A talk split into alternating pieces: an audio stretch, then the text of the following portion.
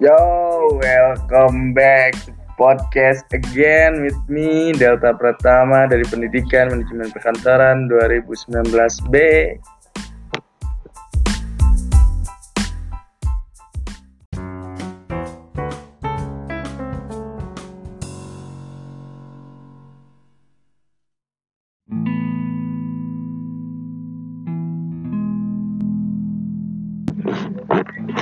Yep, di sini kita balik lagi ngebahas terkait podcast itu apa.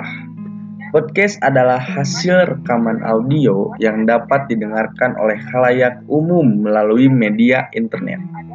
Berbeda dengan radio yang harus dilakukan dan ditayangkan secara langsung dalam frekuensi tertentu.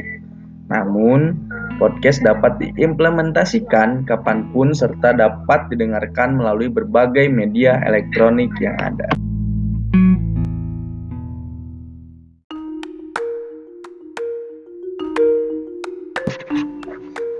Ya, kita sudah di akhir acara kita. Sampai jumpa di podcast selanjutnya. Tunggu episode-episode yang menarik dari kami, eh dari saya. Mohon maaf.